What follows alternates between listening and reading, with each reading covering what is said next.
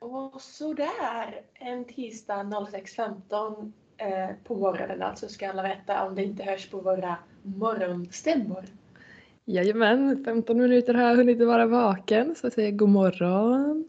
Jag tycker att det här säger mycket om eh, dig och mig för att liksom vi är så i osynk så det enda tiden vi hittar tid att spela intro och outro är tidigt, tidigt på morgonen innan vi gör allt annat.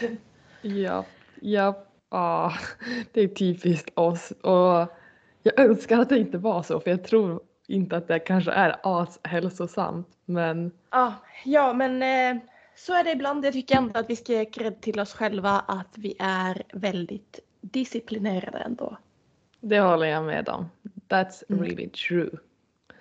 Ja, men, Men- vi går straight på det att vi ska köra del två nu med Jakob Gudiol. Så trevlig lyssning!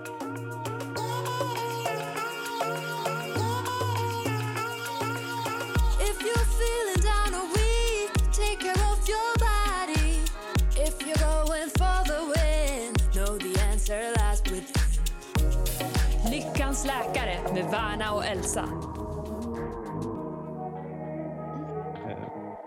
Kom in lite på det jag pratade med SVT här innan med Brian Johnson. Han försöker optimera alla grejerna. Men han fastnar ju också i den där typen av tänk eh, verkar det som. Att han, han tittar på en grej så ska han fixa den grejen.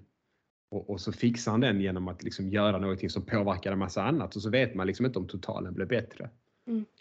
Jag har en fråga där. Har du sett eh, dokumentären med Chris Hemsworth, Limitless? Mm. Du har sett den? Jag har sett dem. Ja, det, jag blev också...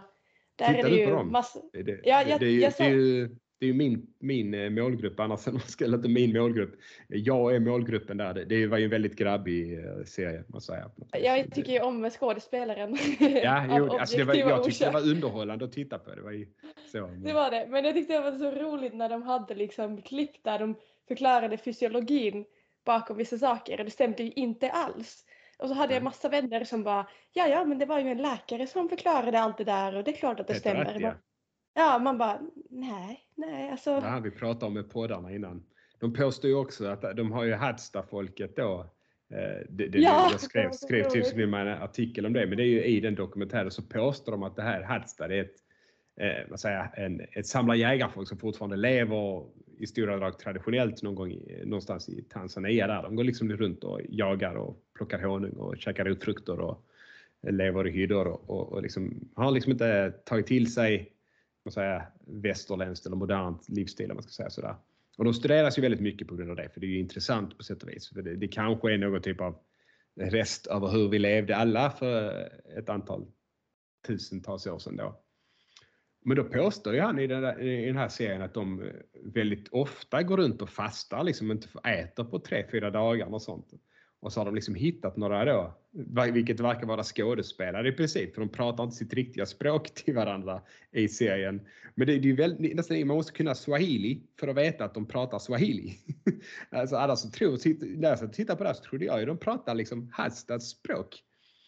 Men jag tyckte inte det passar riktigt överens då med vad jag liksom, för jag har läst ganska mycket om Hasta och jag, jag, jag, liksom, jag vet att det är en av forskarna som har jobbat mycket med dem, han var där i tio år.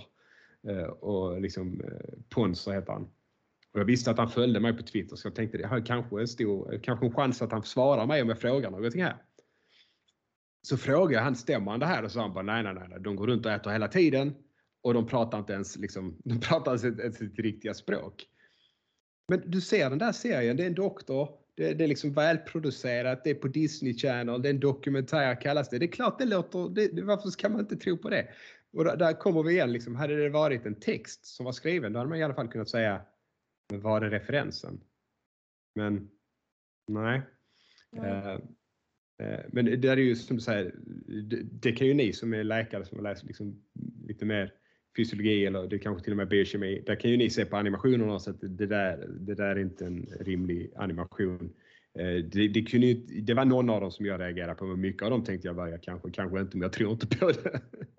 Men det, det är det jag säger, det är så svårt att veta det där. Alltså det, Interesting. Jag vill ställa en fråga lite kopplat till det vi pratade om tidigare med det här med preventiv hälsa. För det är ju också, alltså det är blommat på många olika sätt och det har ju faktiskt kommit till Sverige i form av, jag antar att du känner till Neco Health som Eh, Daniel Ek, grundaren av Spotify. Mm. Ehm, Ja, såg. Känner du till eh, deras eh, nya s- Jag har inte screening? kollat så mycket. eh, Jag har fått mail från någon som skulle sälja in det där till mig. Jag har inte svarat. Men jag, jag kollade lite när han lanserade. Det stod väl lite om det i tidningarna vad det skulle vara Ja. för någonting sånt. Men det, det där är ju bara dyr funktionsmedicin än så länge. Ja, Alltså, ja. det, det, du hamnar ju i en... eh, Alltså på något Vänta, sätt, vänta, man jag måste- vet inte vad ni pratar om. Förklara bättre. Vad Okej. är vi? Ja, det är klart, ja. Ja, nej men eh, så Daniel Ek som är grundare av Spotify har tillsammans med en annan kille som heter Hjalmar, då har de tillsammans och han har, hans familj är medicin, läkare men han är inte läkare. Eh, Men de har då startat något som heter Neko Health som är liksom, jag kan inte säga helt exakt hur det funkar men det är liksom AI och screening och de tar hur mycket olika prover som helst. Det är allt från ja, men, eh, bild, alltså de, de använder liksom inte bara blodprover utan jag kan typ inte jag kan inte säga exakt hur de gör det men det är Ja, och ljus och ja, helkroppsscanning. Och det, det de säger är att det ska vara liksom ett supereffektivt, kort, liksom på jättekort tid och med väldigt lite arbetspersonal eh, så får vi massor av information om en, en individs kropp och eh, på det sättet så kan vi i ett tidigt skede hitta eh, liksom början på sjukdomar hos folk och agera innan till exempel en stroke har uppkommit utan att vi kan göra något i god tid och sånt. Jag, tycker, jag vet inte vad jag själv tycker om det, eh, men jag blev så här nu när du Jakob ändå sågade mycket av det här med funktionsmedicin och jag vet inte om det här räknas som funktionsmedicin. Det De skulle kunna kalla det för funktionsmedicin och funktionsmedicinerna hade gillat det. Men jag, jag har inte hört dem eh, associera sig med det. Men det, det, det, jag det, tror inte att de gör det. det är samma grej fast det är ju ännu dyrare. Alltså det, är ju textnubbarnas eh, grej på något vis detta. Eh, Japp. men det, det, alltså, man, man kan ju tänka sig om man bara backar liksom, istället för bara tro på dem så funderar man på hur, hur, skulle, hur skulle man om någon bara bett dig bevisa att det där funkar. Vad hade du behövt göra? Jo, du hade ju behövt liksom samla in kanske ja, i alla fall tusen pers. Eh, eller 2000 då, tusen i varje grupp. Och så låter du en grupp liksom få den här scanning-grejen och den andra gruppen kanske får hjälp. De behöver ju någon typ av placebo där. Man kan ju inte ha kontrollgrupp för de får ju enormt mycket uppmärksamhet de andra så de kommer ju må bättre bara av det. Men eh, liksom ge den andra bara någon typ av livsstilsintervention. Liksom bara, bara säg till dem att försöka sova bättre och träna mer och äta lite nyttigare och, och sådana här saker. Och Så hjälpa dem med en ordentlig hjälp med livsstilsförändringar men liksom ändå bara vi, vi siktar på samma livsstilsförändringar alla. Och sen hade det, tiden behövt gå. Alltså, du vet, vi har bara tusen pers i varje så vi behöver ju ha en, en bra andel som dör i båda grupperna. Och så hade vi sett, kanske 20 år senare då om vi börjar med dem när de har pengarna där när de är 65 och inte ska jobba med det och de blev för intresserade av detta. Ja, då kan vi se. Vi, vi, lever de längre i den gruppen som har gjort alla de här screening-grejerna? Och, och om vi ser då att de lever två år längre, ja, då behöver vi titta på, okej, okay, vad är det värt det? Vad hände under tiden för dem? Det kanske var 500 av de 1000 persen som fick den här scanningen som på grund av den scanningen fick börja ta någon typ av medicin som gav lite biverkningar och sådär. Och så kanske det bara hjälpte 50 av de där 500 som fick medicinen. Så vi har 450 som bara fick liksom, biverkningar från medicinen som inte blev hjälpta. Sen har vi 50 som blev hjälpta, det var de som fick så statistiken och sådana här grejer. Det är ju där man hela tiden hamnar liksom i att vi, vi behöver liksom se, okej okay, höjer det livskvalitet? Eh, förlänger det livslängd? Ökar den liksom antalet år med hög livskvalitet, alltså det här quality som vi mäter. Alltså det är sådana saker man behöver testa det här mot det andra. Det gör man ju inte här utan man på något sätt man bara säger att ja, vi har ett test här, vi har inte riktigt bra specificitet, alltså vi vet inte hur bra det är på att hitta det som verkligen är ett bekymmer och hur bra det är på att hitta saker som aldrig hade blivit ett bekymmer till exempel. Tar du, ja, om vi säger det gubbarna då, 65 år som kommer in, alltså en hel del kommer ju ha en början till prostatacancer. Men de allra flesta av dem som har börjat i prostatacancer, de kommer inte dö av det. Alltså den kommer fortfarande vara bara en liten klick prostatacancer, om man ska uttrycka det, när de är 90 och dör av annat. Alltså det vet vi med prostatacancer att det är ju väldigt lurigt där när man ska börja behandla, om man ska börja behandla och, och sådana här grejer för att det, det, är en ganska, för de flesta är det en ganska långsam cancer på något vis. Så även om man upptäcker den så är det något annat som, alltså ålder som dödar till sist och sådär. Eh, så du behöver ju liksom leverera den där datan i förväg för annars är ju risken väldigt stor att man gör någonting onödigt. Alltså det här har ju sjukvården gjort många gånger för att man har bara antagit att det är så. Det, ett av de mest tydliga exemplen på det här det är ju alltså de här förslitnade knäna som vi pratade om innan. Att, eh, eh kirurgi framförallt, alltså där, där, där har man nästan alltid bara gjort en kontrollgrupp. Man har slumpat folk till kirurgi och den andra gruppen, du är i en väntelista. Och så ser man ju ett halvår senare att om vi liksom gav uppmärksamhet och skador och sådär, de mår bättre. Och så har man antagit att det är medicinen som funkar. Men när, liksom, när folk gjorde samma sak, de gick till någon akupunktör eller om man gick till någon reiki healer och sådär, så var det ju ingen som sa att nej, det funkar. Alltså det, är ju, det, det är ju tyvärr folk som säger det. Men de flesta liksom då, vetenskapligt lagda, de har ju tänkt att ja, men varför skulle det funka att bara sticka nålar där? Alltså det, det är inte så rimligt. Så har man hittat på en placebo för att sätta nålarna och då ser man ju att akupunktur funkar inte bättre än placebo. Alltså du kan låtsas att du sätter in nålarna funkar lika bra. Du kan sätta nålarna var du vill. Det funkar lika bra. Alltså det här att man ska gå en kurs för att lära sig var man ska sätta dem. Det behövs ju inte. Du behöver en kurs så att du inte punkterar lungan, vilket folk gör alldeles för ofta så de kommer till akuten. Men annars så liksom, sätt nålen var som helst. Men kirurgi som man liksom aldrig tänkt så, det kanske funkar bara jag gör något. Jag kanske bara... Och så har man börjat göra det som kallas det, är kärnkirurgi. Alltså i princip, du slumpar folk till det ena gick man in och skrapade knät och tar bort, du vet, liksom man försöker sy ihop menisk, man skrapar om det är lite brosk, liksom snyggar till det då med artroskopin.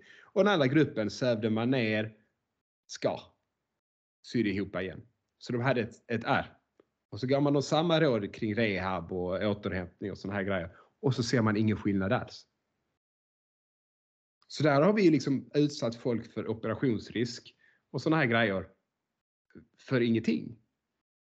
Och man gör det fortfarande än idag. Det kan man ju diskutera. Liksom, ja, alltså, där, där är kanske någon individ som, där är någonting som låser sig. Då kanske det hjälper egentligen.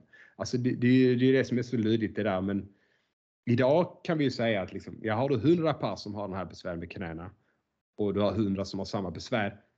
Det spelar ingen roll om du opererar eller om du liksom eh, bara säger till dem att försöka köra rehab och så här. Egentligen. Men du har den här förväntanseffekten, du gör det in och, och roddar i, i grejerna. Eh, så det funkar ju inte att bara sätta dem i en kontrollgrupp för då mår de sämre. Då har de mer ont i knät. Utan du måste lura dem att du har gjort något med knät. Men Och, menar ja. du nu, pratar du nu om meniskskador eller vad, eller, eller vad? Nej, alltså förslitnings, alltså det här eh, för Artros? gammal meniskskada typ. Du har haft en korsbandsskada när du var 20 så har du ont för att du har lite artros, eh, artrosliknande förändringar. Liksom. Man har någon broskbit Ah. som ligger där och det, det kan vara en, liten, en skada på menisken och så tar man bort en liten bit av den och såna här grejer. Det är en klassisk operation som man gjorde på mycket på de här 40-plussarna eh, historiskt när de har knä som varit skadat tidigare och så börjar det bråka igen när de börjar bli lite äldre och så går man in och liksom skrapar då. men, Och så okej, tyckte så- man att det hjälpte några år, men det, det har det inte gjort mer än liksom. Men det, det är ju väldigt svår balansgång där på något vis, för Ja. vi hjälper ju dem. Alltså sätter vi bara dem i en kö så mår de ju sämre. Så de har mer ont och de har mer ont i liksom två, tre år. Så, så vi kanske bara ska börja acceptera att vi ska lura folk att vi opererar dem och inte opererar. Alltså det, det är ju jättesvårt att veta. Men menar du det här, det, det här fenomenet då, det faller inte, det är inte samma sak om man till exempel är ung idrottare och får en meniskskada på träning. Där kan man ju ibland bli rekommenderad att gå in och sy menisken. Så. Skulle det vara inne, försöker skulle det här vara, där finns det annan evidens eller? Eh, Just symenisken vet jag faktiskt inte hur det ser ut, men eh, korsbandsskador till exempel, där har man ju frångått i de flesta regioner i Sverige idag. Eh, Får du korsbandsskada så föreslår man ju vanlig rehab först. Mm. Eh, För att de i genomsnitt blir de lika bra tio år senare som de som Mm. opereras direkt. Liksom sådär. Men eh, där, där är liksom, vi har ju operationer där det funkar, alltså det vet vi ju om. Men det finns lite sådana här metaanalyser nu som sånt här liksom på de här kärnoperationerna och det är ju mer än 50% av alla operationer man har testat där det har funkat lika bra att bara lura någon att operera dem som att operera dem. Mm. Och, och då måste man ju börja fundera på liksom, funkar det vi gör eller utsätter vi bara folk för saker? Mm. Och då, då, vården har i alla fall kommit ifatt. Man har börjat. Det är fortfarande sådär etiskt i Sverige ibland att få godkänna och göra de här vad man säger, placebooperationerna och sådär. Men om vi då hoppar bort till, som du sa, David Eks projekt där. Han har ju inga åtaganden där. Alltså, Han tjänar ju bara mindre pengar på att liksom eh, säga att alla grejerna inte funkar på något vis och sådär. Utan Det blir ju bara gasa och köra. Och eh, ma- man, eh, jag kan förstå, eh, alltså jag hade tyckt det var roligt att gå igenom alla de där testerna.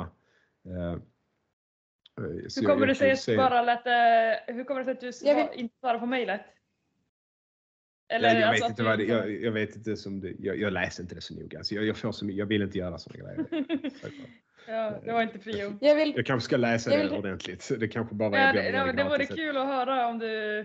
Eller, Vanligtvis, det är ju väldigt sällan jag får gratis grejer utan att jag ska behöva göra reklam för det. Det, det är ju positivt det och negativt för dem. För liksom, får de mig att göra, alltså antingen så är det ju betalt samarbete på något sätt. Då måste jag markera upp det, på, eller man bör markera upp det på sociala medier och sådana här grejer. Det har jag inte gjort. Men ibland så har jag ju bara fått hem någonting i, i brevlådan utan att veta om att jag ska få hem det. Så har det varit jättebra. Då har jag ju nämnt i podcasten och sånt att det här har jag testat, det var bra. Så då fick de ju på något sätt reklam utan, och jag behöver inte, det är ju inte betald reklam eh, ur den aspekten. Så, eh, så jag känner mig lite mer okej med att nämna det på något vis. Eh, så det, men det är väldigt ovanligt. Oftast är det ju alltid att de vill ha något tillbaka för att man ska få göra det där. Man ska lägga upp grejer på sociala medier om man är där. Och, alltså det här vanliga influencerjobbet liksom. Och, och det är jag inte så sugen på. Men eh, jag, jag kan förstå tjusningen i att göra det här men jag förstår ju också, alltså har man inte den här grundkunskapen och eh, jag har ju en lyx i att jag känner mycket folk idag så jag hade ju kunnat liksom mejla fram och tillbaka med andra experter och säga är detta någonting du tror jag behöver bry mig om? Eh, sådär. Eh, så möjligen hade jag kunnat ha en mer avslappnad grej eh, eller avslappnad inställning till om de hittar någonting. Men jag, till exempel, mina fotleder är ju inte bra. Jag har ju spelat fotboll hela mitt liv och de har varit stukade och jag har behövt tejpa. Och, eh, jag, jag skulle väl gissa på att gör man röntgen på dem så ser det väldigt illa ut. Och jag vill inte se den röntgen för jag, jag, det kommer inte hjälpa mig med någonting. Precis som du sa med diskbråcken innan. Det kommer ju bara få mig att bli orolig för att mina fötter kommer göra ännu mer ont om 10-20 år. Eh, fötter är ju också lite svårare. Hade det bara varit en, ett knä som jag trott att jag ska få artros i. Jag, jag, de blir ganska bra de här nya knäplastikerna. Så alltså, det, jag hade inte varit så... Hade jag varit 60 och behövt kläpa sig, bara gött in med det så jag blir av med smärtan. Liksom.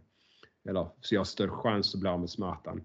Men jag vill inte behöva liksom steloperera fotleder och skit. Så, så jag, jag, bara, jag bara försöker gå och tänka liksom, liksom happy thoughts där att det är nog inte så illa som jag inbillar mig. Men om jag fått en bild på det så hade jag fått se att det där är ju illa. Alltså, det, det, det, det, det, är, är ingen nytta i att scanna mina fötter för mig. Noll nytta. Alltså, jag, jag ser ingen poäng i det men du hade ju garanterat fått den där datan från folk. Och så tror folk att det gör nytta i att de vet det där. De tror att det är bra för dem att veta att axeln är sliten eller att de har något diskbråck här och där. Eller att, eh, liksom, det, det är inte bra att veta om du inte har en bra åtgärd. Nej, där blir det ofta bara motsatt effekt. Får du veta att ja, men det, alltså så här, svart på vitt så ser vi att din fotled ser ut som skit. Om det inte känns dåligt för dig innan dess kommer det förmodligen börja kännas dåligt för dig för att det blir den här psykologiska effekten. Så det är verkligen, Precis. det kanske är helt Precis. rätt av det att bara Och jag har ju de här dagarna då de är dåliga, alltså, alltså så, eller sämre. Det kan göra lite ont i trappan när jag går och sådär. Eh, liksom, om jag har tränat lite mer än vad jag borde, som jag inte var van vid. Jag har en dålig handled också. Jag hade liksom opererat två gånger i den och så. Dålig rörlighet. Och det, vet, när jag börjar köra lite tyngdlyftning lite mer, och jag ökar på mängden, då blir den alltid lite öm och, och, och sådär. Men hade jag då vetat att den där ser förjävlig ut mer än vad jag tror att jag vet, det hade inte hjälpt mig. Det hade nog bara blivit mer, det blev man kanske, jag kanske ska ta det försiktigt, jag kanske inte ska provocera det och, och så här.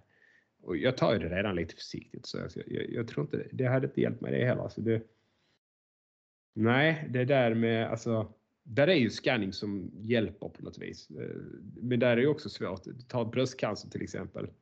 Ehm, där tror vi ju att scan, alltså det här screeningen som vi gör på kvinnor hjälper.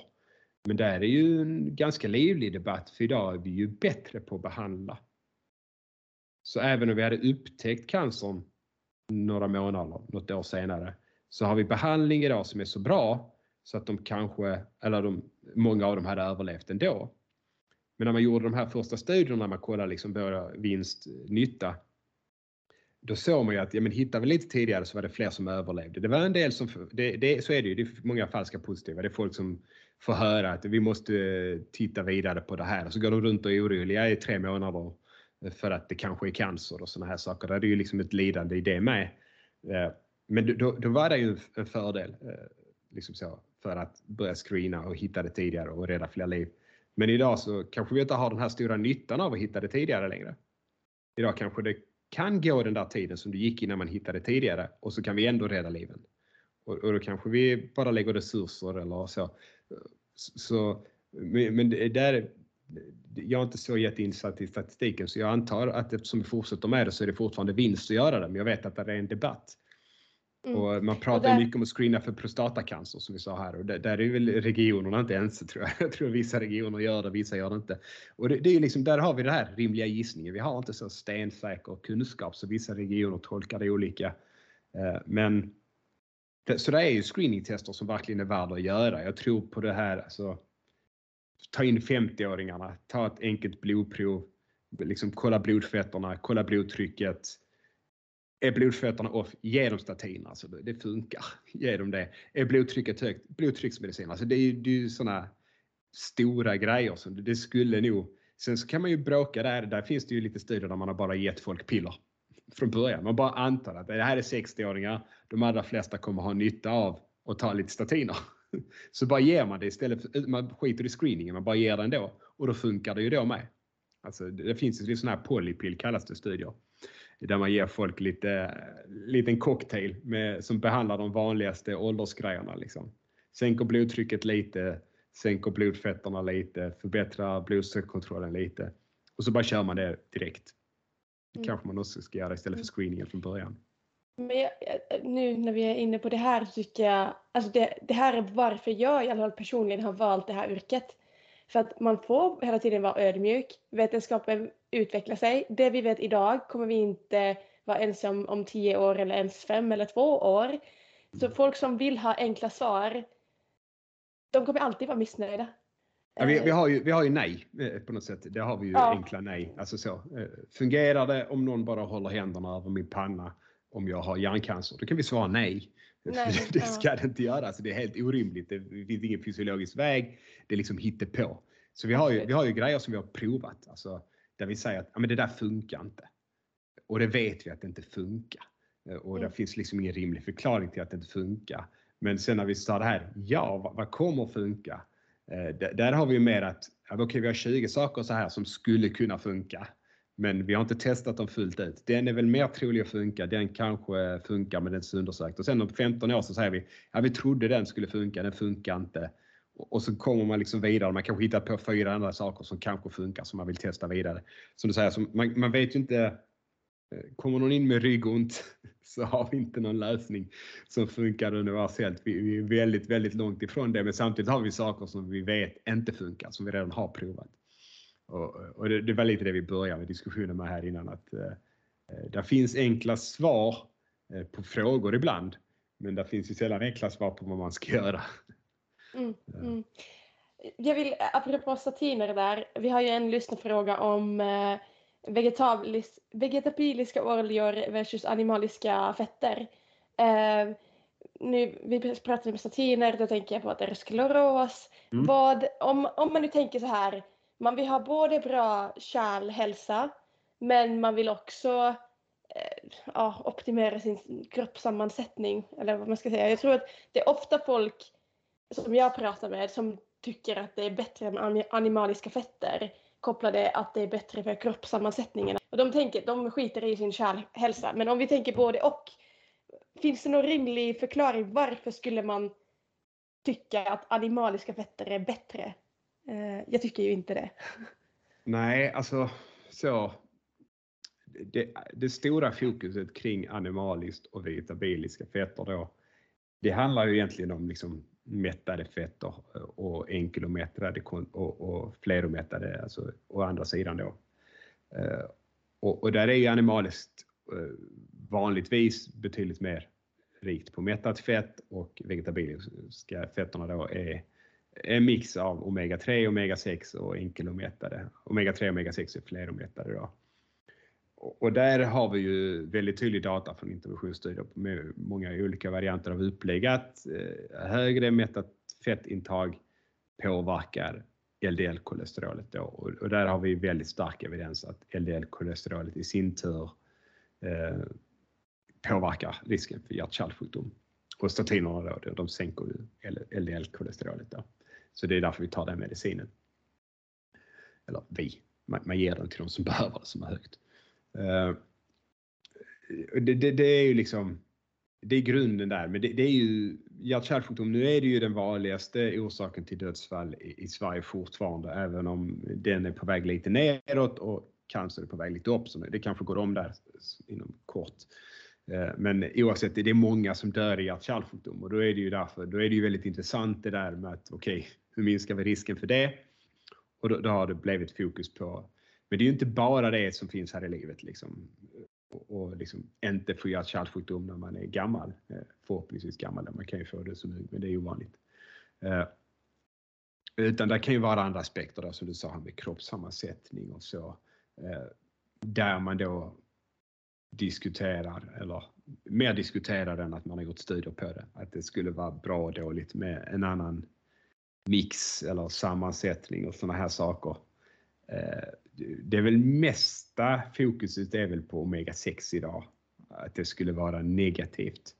Eh, och mycket av det som liksom får folk att köpa det, det är ju bara det här ekologiska felslut. Alltså på något sätt, det är samma sak som fick folk att dra slutsatsen att socker skulle vara liksom orsakat till allt ont som man trodde för 15 år sedan kanske då. Och det är ju bara helt enkelt att ja men okej, vegetabiliska fetterna är, de är billigare än animaliska. Eh, när man eh, processar dem lite mer, alltså man, man inte kallpressar olivoljan utan man eh, kör den liksom så, så blir det väldigt hållbar olja. Och eh, den, är den billigare och hållbar plus då att vi, vi vet att den är ju bättre för liksom, eh, LDL-kolesterolet, alltså risken där. Eller eh, hur det höjs, risken, det kan man diskutera. Folk börjar prata om att det är två steg spekulation och sådär. Och det, ja, det, det, är ett annat spår. Men eh, så det är liksom vinst, vinst, vinst för livsmedelsföretagen på något sätt att ta vegetabiliska fetterna istället för animaliska. För då, då de liksom får en billigare produkt, den blir eh, vanligtvis lite mer hållbar och Eh, den liksom är ju i enlighet med rekommendationerna som vi har idag. Alltså att man, ska liksom välja bort animaliskt till förmån för vegetabiliska fetter. Eh, men det betyder inte att produkten blir bra. Alltså det här, alltså, kakan blir ju inte nyttig kaka bara för att du bytte ut smöret mot margarin eller någon sån här grej. Det är fortfarande en kaka. Liksom. Och, och det innebär att vi, man ser ju en väldigt tydlig korrelation här att ju, ju mer, när folk har börjat käka mer liksom, chips, eh, kakor, godis och, och, så vidare och så vidare så, så ser man ju en ökning av liksom, nyttjandet av oljor. För det är ju där, fett, precis som sockret har gått upp så har oljan gått upp. Eh, för det är liksom en huvudingrediens i det som jag kanske då, jag brukar kalla det skitmat när jag skrev boken. Alltså mycket tillsatt socker, mycket tillsatt fett, mycket mjöl. Alltså, det är raffinerade grejer som är kaloritäta och så. Och, och, då får man ju en tydlig korrelation mellan att ja, människor har börjat äta mer omega 6, människor är fetare, människor har mer eh, typ 2 diabetes och så vidare. Och så har man bara pekat på omega 6 där som orsaken då, precis som man pekade på mjöl och man pekade på socker tidigare. Och det är ju, inte, det är ju väldigt dålig evidens för att det skulle vara orsaken. Eh, man, man, kan ju titta på det här på andra sätt. Man kan eh, man kan ta blodprover så kan man se ungefär vilken, eh, liksom, hur mycket omega 6 florerar runt i blodet, hur mycket omega 3, hur mycket då eh, mättat fett. Eh, till, till viss mån också har man lite markörer där. Och, och så kan man se liksom samband där. Okej, okay, de som har mer omega 6 cirkulerande i blodet, hur är deras hälsa 10 år senare? Och där ser man liksom inte att det är negativt med omega-6. Det är inte så att de som var med omega-6 fluorerade blodet idag är i högre risk att väga mer om 15 år eller 20 år. Utan vanligtvis så är det nästan om någonting lägre då jämfört med de som har eh, mer av eh, mättat fett-grejerna då. Så eh, men det är inte heller särskilt stark och imponerande evidens. Det, det, det finns väl lite sådana här migrän till exempel har man tittat på. Det, är inte mättat fett kontra omega 6 men eh, där man har fått folk att öka intaget av omega 3 och minska på omega 6 så har de rapporterat mindre eh, migränbesvär. Eh, så där är ju kanske någonting att man inte ska ligga jättehögt i omega-6 då framför allt. För mig är det ganska mycket en icke-fråga. Alltså jag, jag, jag liksom läser om boken där, jag tycker man ska inte tillsätta fett. Alltså, det är klart så behöver du, ska du baka något, det är fett i receptet, du behöver lägga i det.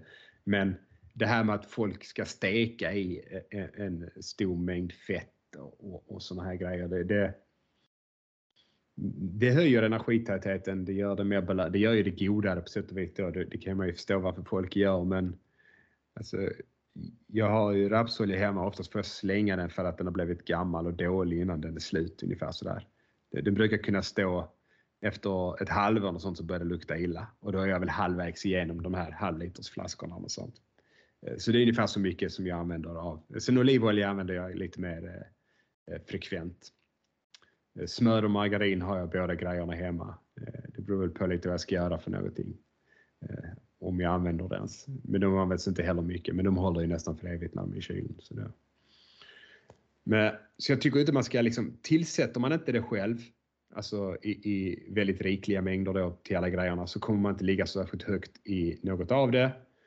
Och om man då inte köper mycket av de här kakorna, eh, chipsen, alltså färdigpizzor och sådana här saker. Alltså, eh, de här livsmedlen med mycket mjöl, socker och fett i, i olika mängder så kommer man liksom inte ligga högt i sitt omega-6-intag. För det, det, du får inte i dig mycket omega-6 genom att äta mat. Mättat fett däremot kan man ju få i sig mycket av genom att äta mat. Liksom du tar, tar du och käkar de här riktigt feta köttbitarna ofta sådär eh, då kommer du få i dig en betydande mängd energi från mättat fett och då, det kommer det då påverka ditt eh, LDL-kolesterol. Och eh, jag skulle inte säga att jag bryr mig så mycket om det där. Jag tar ju inte blodprover för att kolla kolesterolet heller, men eh, jag ser ju ingen orsak till att käka de här väldigt feta köttbitarna och tro att man gör någon hälsovinst. Sen är det gott när man grillar, eh, tycker jag. Men det är väl liksom lite där man hamnar. Jag tror att ja, det, det kanske inte är bra att ligga väldigt högt med omega-6. Eh, väldigt lite data som stödjer att det inte skulle varit bra, men samtidigt är det eh, Eh, liksom inte så väl undersökt förutom kolesterolbiten och den här rena observationsdatan där när man tittar på nivån av omega-6 i blodet och, och, och liksom hälsoutfall. Men det, ofta när man tittar hälsoutfall då är det ju dödsfall och cancer och hjärt-kärlsjukdom.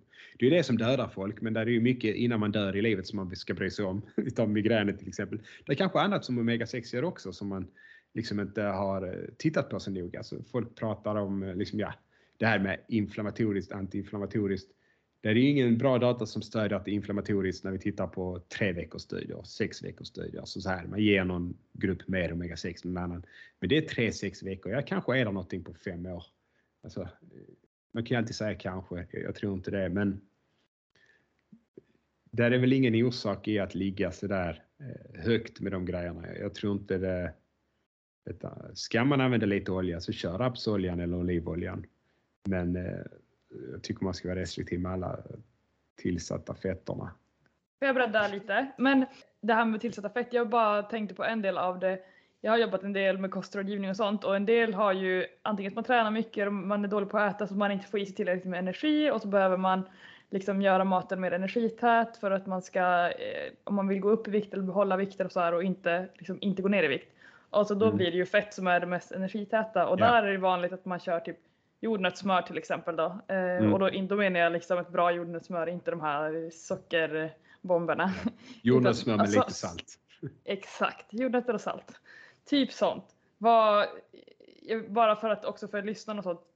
Är, är det en annan femma eller tycker du att det också är sånt som är att man inte ska tillsätta fett? Det, det är en jättebra poäng. Alltså det, det, det har jag jobbar ju med idrottsungdomar, jag jobbar på ett idrottsgymnasium och där är det ju mer bara, ja men alltså se till att äta. Du ska inte gå hungrig Ja. på dagarna. Vaknar du på Mm. hungrig på morgonen så äter du antagligen lite lite dagen efter. Och så där. För där har man ju ofta motsatsa problemet. Det är väldigt ovanligt med duktiga idrottare som har problem på riktigt med vikten. Alltså det, det är vanligt med att de tittar sig i spegeln och tycker de är tjocka, men det är de ju inte. Men alltså det här att det skulle påverka prestationen. Alltså där det är 5-10 kilo som de hade varit bra att plocka bort. Det, det är ovanligt. Mm. Bara jag hade inte brytt mig om fettsammansättningen så mycket där heller.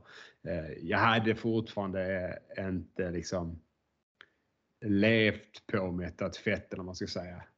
Sådana här jättesmörklickar och sådana grejer. Eh, det hade jag nog inte gjort. Men det, det, vi kommer inte in på det, men det, där är lite data som pekar mot skillnader där också med liksom källan till mättat fett. Ta till exempel fetare yoghurt sådär. Eh, och ost verkar inte påverka lika mycket som smör eller liksom fett från kött och sådana grejer.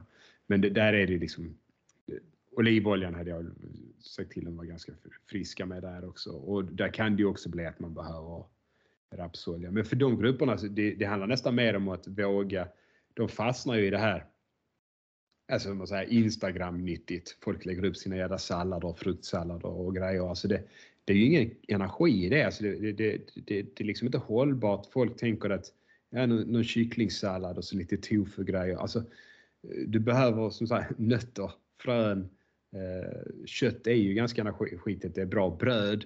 Ett ordentligt bröd kan vara energitet och eh, vettigt alltså innehåll och sådana här grejer. De behöver liksom inse att det som kanske inte ses som kosher eller bra inom liksom fitness, jag ska vara snygg på internet-svängen.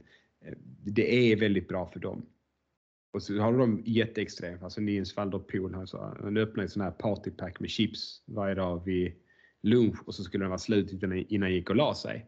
Det, det är ju det är ett jättekorkat råd för liksom 999 av 1000 men för de som verkligen tränar så, kan det vara ett väldigt, en väldig utmaning att få i sig tillräckligt med energi. Och, då blir det ju liksom bara se till att energin kommer in är ju det viktigaste för hälsan då. För liksom, eh, det här vi pratar liksom, ja, lite blodfetter och sådana grejer, liksom, hälsa på sikt. Alltså, det är ju det är en fis i rymden då kontra med att, Eh, att du går runt och får liksom dålig bennybildning eller liksom går runt med relativ energibrist, menstruationsbortfall som det händer ganska ofta hos kvinnor. Liksom. Det är ju mycket mer negativt för hälsan, både för stunden men även antagligen på sikt att ha gjort det där i ett par år kontra att ha gått runt med lite, lite högt, högre kolesterol i några ungdomsår. För de kommer ju inte ha högt alltså. Då ska man ha någon ärftlig grej om man har högt när man är en idrottare och ung och liksom rör på sig som man gör och sådär. Så, så där, där är det, det är en viktig poäng som du tar upp Elsa. Att, för, för, nummer ett är ju att få i sig tillräckligt med energi. Sen är väl nummer två att inte få i sig för mycket på något vis. Men det är inte lätt. Okej, vi, vi får ta någon till lyssnarfråga innan vi måste avrunda. Uh, vi har fått in en fråga om ashwagandha. Nyttigt, onödigt eller till och med ohälsosamt? Ja, alltså örter. Uh, jag tycker man ska bara hålla sig borta från det. Alltså, Eh, där är ju lite intressant data på ashwagandha. Men det, det är ju dels är det här med örter, liksom, folk gör sig under och, och över läkemedelsstudier och sådär, men det, det, är liksom tusentals i varje grupp när det är en fas 3 vanligtvis. Och eh, det är välkontrollerat, det är externa granskare många gånger som går in både under studiens gång och efter och tittar på datan och sådär. Så kommer liksom de här örterna på 30 pass, 15 i varje grupp. Eh, lite så här diffusa utfall, många utfall, bara några signifikanta. Det kan vara slumpen och Eh, liksom inte förregistreras. man visste inte ens att studien skulle vara utförd och då undrar man liksom, jag har kollat på 100 saker och redovisat 20 av dem som var positiva och sådär. Eh, det, det är inte omöjligt att det gör någonting men just örterna, så det är, det är ju verksamma ämnen i örter. Vi har ju en hel del läkemedel som ursprungligen kommer från liksom örter där man hittat vilket ämne i örten är det som gör någonting och så har man liksom förädlat fram det och man vet exakt vilken dos man ger. Man har studerat vilken dos som är bäst liksom i förhållande till kroppsvikt och sådär. Det är ju det man gör med läkemedel. Örterna, du tar dem så står det liksom två, två tabletter per dag på burken och sånt där. Så spelar det ingen roll för dem då om du väger 50 eller 100 kilo, vilket det borde göra. De flesta mediciner är ju dosrelaterade. Och så är det ju örter, alltså de är ju beroende, precis som mat kan vara beroende när det kommer till näringsinnehåll beroende på hur de har odlats, var de har odlats, hur vädret var just den säsongen de odlades, när de blev skördade, hur de hanterades efter skörden och så vidare. Och det innebär att örter, alltså innehållet av de här verksamma substanserna kan ju variera väldigt från eh, dos till dos, burk till burk eller batch till batch. Och, och, du vet aldrig riktigt vad eh, du får på något vis. Och eh, de är ju inte riktigt studerade där att eh, alla är ju oroliga för läkemedelsbiverkningar och man studerar ju noga för att försöka hitta dem och så hittar man de där grejerna på är det en allvarlig biverkning som är en på tusen så, så ska det mycket till för att ett läkemedel ska godkännas. Då ska den ha en väldigt positiv andra effekt på något sätt för att det ska vara värt att ta den risken. Men ett, ett tillskott som har en, alltså en ört som har en negativ biverkning en på tusen, det kommer vi aldrig få reda på att den finns antagligen då.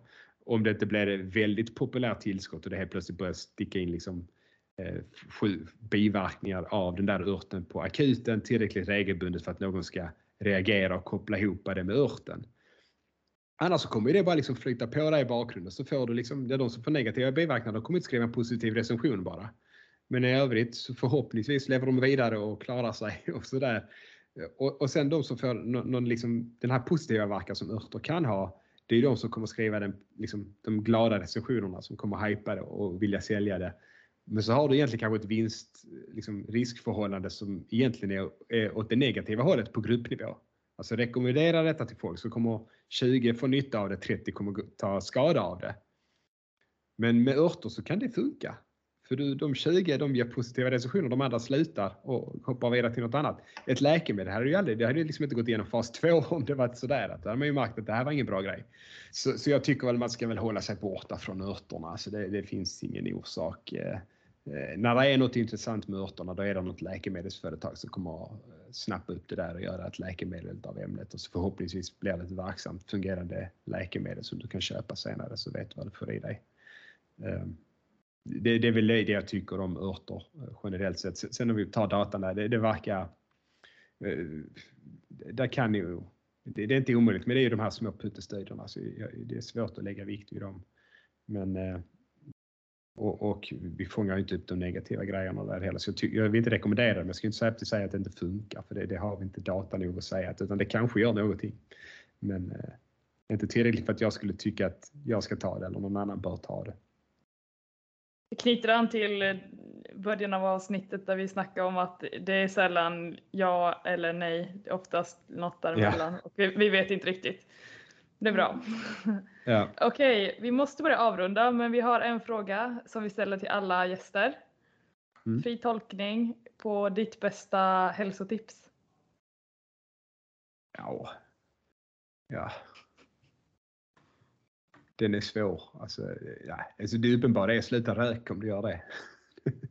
Börja inte röka om du gör det. Och feströk inte heller. Alltså det, eh, det, det är negativt även när man bara gör det någon gång i veckan. Alltså, Det har blivit Eh. jättepoppis med el, de här el... vape-grejer ja. Ja, så- jag ser dem hela tiden överallt. Mm. Och det, det är ju svårt med de här grejerna. Det är ju det är, det är väldigt låg sannolikhet att det skulle vara bra. Mm. Eh, sen lär det vara bättre än rökning. Eh, just för att det är inte samma mängd eh, små partiklar som blandas andas in i lungorna. Eh, men där, där kommer vi liksom till det här. Vi har ju inga randomiserade kontrollerade studier på att rökning är dåligt egentligen. Alltså man har ju inte randomiserat folk och så sagt till ni tusen ska röka nu i tio år. Ni andra tusen, ni får inte lov att börja röka. Så ser vi att de som börjar röka mådde dåligt och dog. Utan eh, det vi ser är ju väldigt stark signal i observationsstudier. Eh, att de som röker är i väldigt dålig hälsa. Eller de, de kommer så småningom vara i betydligt sämre hälsa än den andra gruppen. Och vi kan se, man har randomiserat studier där man har rökare och hjälper hälften av dem att sluta röka. Där är det inte etiskt att göra det över 20 år. För vi, vi, vi var redan när vi började göra de studierna så var vi så säkra på att rökning nog är dåligt. Men där kan man ju se hur påverkas riskfaktorer eh, de närmsta månaderna. Så vi sätter en grupp, eh, alla vill sluta röka, en grupp får sätta sig i kö. Alltså vi sätter dem i en väntelista på ett halvår och den andra gruppen får hjälp direkt. Och så testar vi dem efter ett halvår så ser vi att de som har slutat röka de har fått stora förbättringar i hälsa av att sluta röka. Och man kan ju kolla i observationsdatan att de som röker hela livet de är i större risk än de som börjar röka sent. De som rökte Eh, några år under ungdomen och sen slutade de i lägre risk än de som rökte hela tiden. Så vi har många sådana här mekanistiska grejer som, eller liksom annan data som pekar tydligt mot att rökning är jättedåligt. Men alla de här datorna, eller de allra flesta av dem, det har ju krävt tid. Alltså vi, vi behövde ha rökare som rökte på 30-talet för att se att folk fick lung, lungcancer på 60-talet. Eh, vi kunde inte säga att de fick lungcancer när de började röka. Och, och vi kommer ju lite samma sak med här vape, att ja men nu har det bara kommit. Liksom, bam! Ingen gjorde det för 10 år sedan, nu gör någon procent av befolkningen det. Är det dåligt för då? Ja, alltså, vi kan ju titta på det här, liksom, vad kommer in? Det är nog inte bra, som jag sa. Alltså, det, det är ju saker som lär vara negativt. Men hur negativt är det då? Ja, det, är ju, det kan vi inte sätta någon siffra på för de här har vapat i i alla fall 10-15 år och eh, jämföra dem med de som inte vapar då för att se hur, för vi kommer inte randomisera folk till att börja vejpa heller. Det är inte heller etiskt okej, för vi tror ju att det är negativt på någon eh, nivå liksom.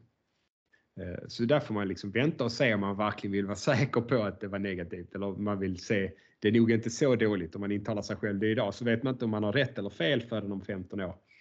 Men det, det finns ju ingen orsak sådär hälsomässigt att börja med det. Det är ju bara en dålig idé. Eh, så, så, så rök inte någonting, alltså i, inte grejer ner i lungorna Eh, som inte är frisk luft på något sätt. Eh, de är ganska sköra på sätt och vis. Och där är ju inte frisk. Vi har ju problem med miljö i, runt omkring oss, alltså avgaser, eh, annat partiklar som florerar runt i städerna och där har vi ju ganska, alltså, vi är ju ganska övertygade där också om att eh, det förkortar människors liv. Så det är folk som dör i förtid för att de bor i städer med föroreningar. Så man kan inte kontrollera det helt, man behöver inte andas in extra grejer. Liksom. Så det är väl ett väldigt safe kort. Det är ändå ganska många som gör det, precis som du sa här Varna. Så det är, eh, sen kanske inte så många av de som gör det lyssnar på denna podden. Så det kanske, ska vi ge ett hälsotips till de som lyssnar här så blir det väl mer eh, eh försöka inte äta så mycket skitmat och hålla kroppsvikten stabil. För det, det är väl det som är en utmaning för folk som ändå bryr sig. Mm. Ja men det är bra tips allihopa. Folk får eh, sticka till naturen, röra på sig och hålla sig borta från storstäderna, sig och Ja. andra, alltså alla typer av sig. Ja precis, allting som går ner i lungorna som inte är luft. Eller Känns vanligt. bra för mig. Känns bra Ja. för mig som har precis flyttat från Stockholm till Varberg. Ja, jag har det har gjort någonting för min hälsa också. Ja. Det är väldigt mycket tyvärr vem man bor granne med. Eh, har man en stor gata så Ja. kan det vara värre även om man bor på ett litet ställe och bor man i Stockholm men man bor, det, det är liksom, luften är ju stor så även om det är tajt där så fyra meter längre bort så är det mindre och åtta meter Mm. så det är liksom bara en fjärdedel av det och så vidare. Så det, ja. Ja, vi har precis fått så här, på tal om vem, vem man bor granne med, vi bor högst upp i lägenhetshus och nu precis några flyttat in under oss. Och såklart så röker de på balkongen och det går rakt Ja. upp in i vårt sovrum så det är så här, Nej, det är inte kul. nej, passiv rökning varje natt om man ska ha öppet på balkongen. Ja. Framförallt den här jobbare. lukten. Men får man röka på balkongen? Jag tror Ja. att det är en regel att man inte får. Tyvärr, det jag vi kollade upp det men det är då fort, det, alltså balkongen räknas ju som ens egen bostad och i ens egen bostad så har man rätt att röka så mycket man vill. Tyvärr. Ja. Men vi kan, vi- det känns bra, vi gör det vi kan i att sprida budskapet att röka inte. Och då kan man, om man inte bryr sig om sin egen hälsa kan man bry sig om de andras för att passiv rökning är inte heller bra. Nej. Precis. Tusen var tack fler- Jakob! Lyckans läkare med Varna och Elsa. Jag är fortsatt så glad och eh, lite överraskad och imponerad att Jakob Gudiol tackade ja till vår eh, fråga eh, om han vill vara med på vår podd. Jag tyckte det var otroligt kul att få höra hans tankar. Jag respekterar honom jättemycket. Mm, nej men det var superkul. Sen tycker jag att du inte ska undervärdera oss Verna. Det är klart att man vill vara med i vår podd. Två unga läkare, det är väl asbra content liksom. Absolut, det var jättekul att han ville vara med. Verkligen. Och väldigt bra snack. Eh, Vi hann ju allt från eh, dokumentärer till fetter till ashwagandha till poddar. Alltså det var mycket. Det var väldigt mycket. Det var kul, men det var också därför vi fick dela upp det i två avsnitt. Ja, sant, sant. Okej, men Verna, jag vet att du är tillbaka från semestern. Andra dagen idag tror jag, om jag kommer ihåg rätt. Så på din story igår. Stämmer. Mm. Stämmer. Eh, vill du börja med lyckopiller eller lyckokiller? Jag kan börja med lyckokiller. Jag var så taggad att komma tillbaka till jobbet. Jag gillar, eller jag tycker jättemycket om att vara på akuten. Så jag kände efter tre veckors semester att bara, nu är jag redo att komma tillbaka. Jag tycker det här är jätteroligt.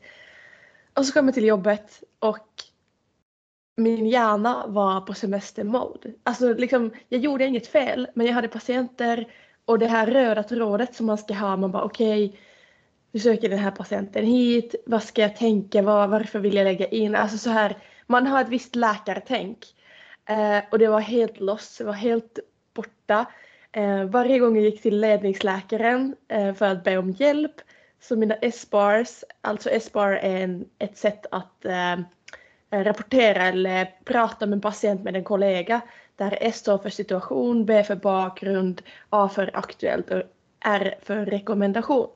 Och de var helt kassa. Alltså verkligen så här, du vet, det ska vara kort och koncist och det ska vara liksom så att den som lyssnar orkar lyssna. Eh, du fångar liksom lyssnaren. Och eh, det var en ledningsläkare som jag uppskattar och respekterar jättemycket och liksom har nästan satt på en pedestal. Pedestal. pedestal ja. Piedestal. Och det kändes så tufft för han tyckte också att jag var dålig. Eller han sa inte att jag var dålig, det är mina ord. Men han var så här. Okej Verna, nu eh, du får tänka en extra gång och bara, du kan inte komma till mig utan att du har en plan. Man ska alltid ha en rekommendation själv innan man kommer fram. Men jag var liksom så här, jag bara, jag vet inte vad jag ska göra med den här patienten, jag är helt lost.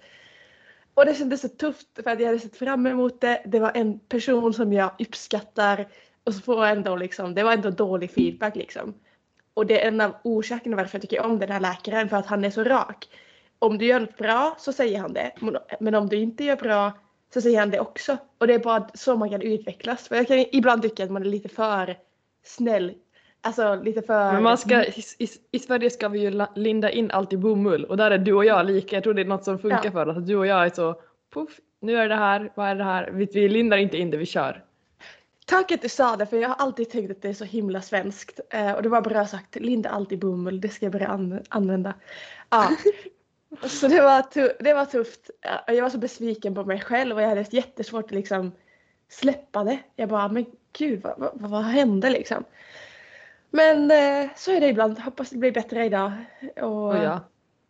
Hoppas han var- får se mig på en annan dag. Alltså jag är ju inte där för att imponera honom. Det är en annan sak också. Bara varför är det så viktigt för mig? Jag fattar inte. Men jag har typ alltid varit så, även i skolan, eh, alltså grundskolan och gymnasiet och så. Jag tyckte det var jätteviktigt att lärarna var nöjda med mig. Det är ju typ så här, vad ska man säga, eller vad heter det, evolutionärt. Vi vill, vi vill ju vara omtyckta, vi vill tillhöra den bra flocken och la la la la la. Alltså så. Så det är inte Ja, konstigt. ja. Och jag tycker också det är inte konstigt. Jag tycker det på ett sätt är ett positivt tecken att, eh, att eh, det, upp, det var så som det var igår för att det betyder kanske också att din hjärna faktiskt har checkats ut lite och du har verkligen kommit in i lite semestermode. Vissa gör ju inte, gör ju inte det. Alltså nu hade jag precis haft fyra veckors semester. Jag känner inte att jag riktigt har hunnit checka ut men vi får se. Jag ska ju gå till jobbet om en timme så kanske, kanske upplever jag samma. Det känns i alla fall inte som något dåligt tycker jag. Men Nej, fattar att okej, det är det var- störigt. Det var väldigt bra poäng faktiskt. Det ska jag ta med mig. Det kanske var positivt på ett sätt. Ja, Skönt, jag tycker det. skönt att du kunde vända det. Jag tycker det. Mm. Det är bra. Ja. Men eh, vad känner du? Vad är din lyckokiller? Ja, vi får se. Jag hoppas du kan vända min lyckokille för den här har seriöst Uh-oh. varit med. Den har varit med mig, jag tror inte det tyvärr, den har typ varit med mig i ett år. Men, och det har liksom blossat upp till och från när jag har orkat. Och nu har jag på med det igen, vilket är alltså Meta. För de som inte vet så är ju Facebook och Instagram eh, liksom ett företag som tillsammans heter Meta. Och jag har ju mm, men, företag med, som pysslar mycket med Instagram och ja, det, är bara så, det här är typ det som tar mest energi för, från, från mig sammanlagt just nu och det är att de har blockerat mig från alltså funktioner, till exempel att göra ads och annons, annonsering på Instagram. Och de har gjort det permanent vilket gör, det sätter mig i en väldigt dålig sits när det kommer till eh, mitt företag och att kunna fortsätta göra det jag gör. Och jag har gjort så mycket, kämpat så mycket. Och för det första, varför kan de inte ha en normal support där man kan prata med någon och fråga om hjälp på Meta? What's the problem? De är ett svinstort företag. De har alltså så mycket pengar. Så det och att ja, det ska vara så komplicerat. Jag vill typ inte gå in i detalj för att det är så himla tråkigt. Mm. Men summa summarum, meta. Alltså Åh. jag orkar inte. Det är himla tråkigt. Nej. Men jag tänker att ibland får man ta sådana här tråkiga saker som lyckokillar för det är seriöst livet. Absolut. Alltså gud, jag förstår inte lika bra som du allt det här med eh, systemet bakom Insta och Facebook. Men du är inte, jag ska säga en sak i alla fall, jag kan inte vända dig lyckokillar. Men jag kan säga att du är inte ensam. Jag har hört det här från jättemånga liksom, i omgångar att de blir avstängda.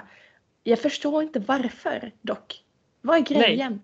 Alltså när man, jag förstår konton, att man blir av- avstängd om man har en konto som är lite eh, vad ska man säga, alltså så här grå zon.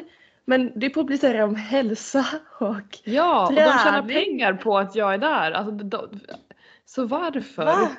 Jag förstår ingenting. Och Nej, nej. Man vill alltid förstå. Vad Ja. konstigt Och- vad jobbigt. Fan också. Men finns det ingen Ja. möjlighet? Du säger permanent. Men det måste ju finnas. I och med att det här har hänt på så, för så många. Det borde finnas sån här. Du vet, det finns sån här baby world chat till nyblivna mammor. Det borde finnas en sån för alla influencers. Så att ni kan chatta och hjälpa varandra. Eller hur? Jag tänker det, men det är väl också lite därför jag tar upp den här podden nu för att innerst inne finns det ju ett hopp om att det ska vara någon som lyssnar som kan någonting om det här. Eh, och alltså jag lovar jag kan betala för det. Alltså det ja, om det är någon som kan någonting så är det här också ett litet sök, eh, eller vad heter det, rop på hjälp. Ja, det här blir en, en snygg övergång till min lyckopiller. Mm. Det där du sa. För att du sa att, att om någon kan hjälpa dig eh, och vill typ få betalt och så. Jag har upplevt de senaste två dagarna ja, men, tre gånger bara så här kravlöst att en person som inte känner så bra har hjälpt till. Och det är så fint. Jag vill bara skicka det med till alla lyssnare. Att det kan vara väldigt små saker som nu att höra av sig om man kan någonting om Meta. Eh, höra av sig till Elsa och hjälpa henne. Och inte alltid vänta förvänta att man ska få någonting tillbaka. Det känns som att vi i dagens samhälle tappar lite det här som fanns förr i tiden där man hjälpte grannar. Alltså så här, ah, jag finns här för dig, du finns för mig och så. Eh, det var faktiskt via Instagram, så något positivt till dem också. När jag postade om dels mina gardiner. Så jag har nu äntligen fått upp dem med hjälp av en, ja, en kille från boxen som jag inte alls kände. Eh, som skrev att han kan ställa upp, han var en stickare. Och han ville inte få, få någonting för jobbet utan han ville bara hjälpa till. Ehm, och sen en annan gång var också via Instagram när jag inte själv hann till jordgubbssjälvplock. Så var det en annan tjej från boxen som bara, men jag ska dit, jag kan plocka för dig. Så hon gjorde det. Och så har jag en granne, Linnea, som har lånat sin bil i omgångar för mig. Ja, helt utan att vill ha någonting tillbaka. Så jag är så, jag är så liksom, man blir så glad och så fylld av fin mänsklighet. När det finns Mm. främlingar som hjälper till tycker jag att det säger någonting om Varberg. Nu är jag lite så här kär i den här staden. Men det här hade aldrig hänt i Stockholm. Alltså jag lovar. Folk har så mycket, de har så Mm. bråttom. Jag önskar att det fanns mer i Stockholm också för människorna där behöver det ännu mer. Men eh, ja, det vill jag skicka med. Mm. Gör någonting litet fint till era medmänniskor. Mm. Nej, 100 procent. Jag instämmer till helt fullo. Fint. Jag blir också glad av det där. Ja, det är, det jag tycker det är lite, man får lite hopp om framtiden typ. Ja, exakt! Det kände jag med. Så jag bara, okej nu, nu har jag fått uppleva det goda så jag ska sprida det här vidare. Nu har jag Mm. mottagit det så jag ska skicka det till nästa person som kan skicka det till nästa person. Ja, man blir inspirerad 100 procent så det är ju absolut send it forward.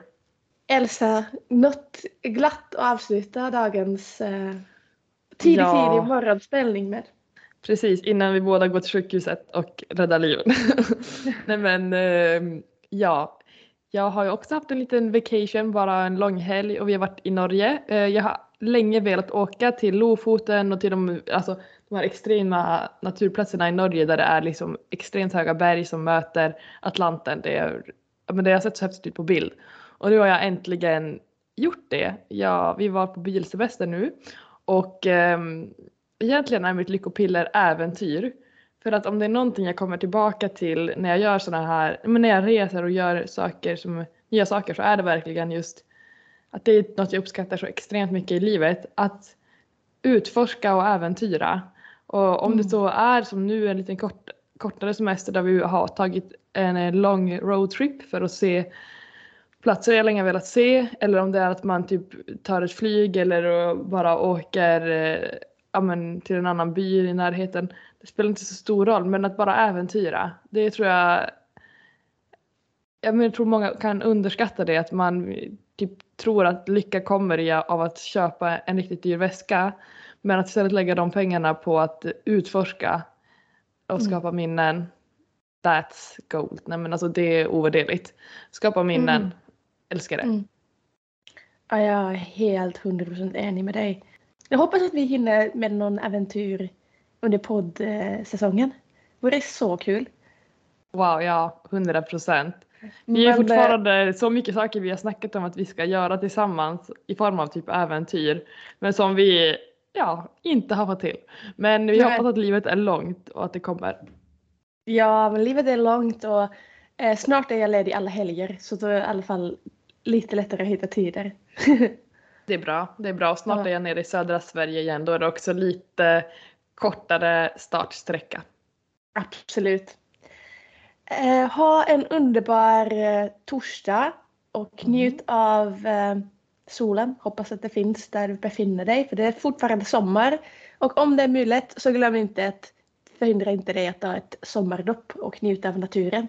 Det är grönt så njut av sommaren trots väder. Jag har hört så mycket eh, negativa ord om svenska sommarvädret de senaste veckorna och jag är så trött på det. Bara Vänd det till något positivt och tänk annorlunda. Man behöver inte bara, alltid bara ligga i solen. Verkligen. Verkligen. Med de orden så ut, lek, spring, ha kul. Hitta på något nytt, äventyra, utforska. Och var snäll med era medmänniskor. Hjälp till utan att förvänta er något tillbaka. Wow, vilken karma. Nu, nu drar vi till jobbet Vanna. Ja, det gör vi. Följ oss på Lyckans läkare och prenumerera. Hej då!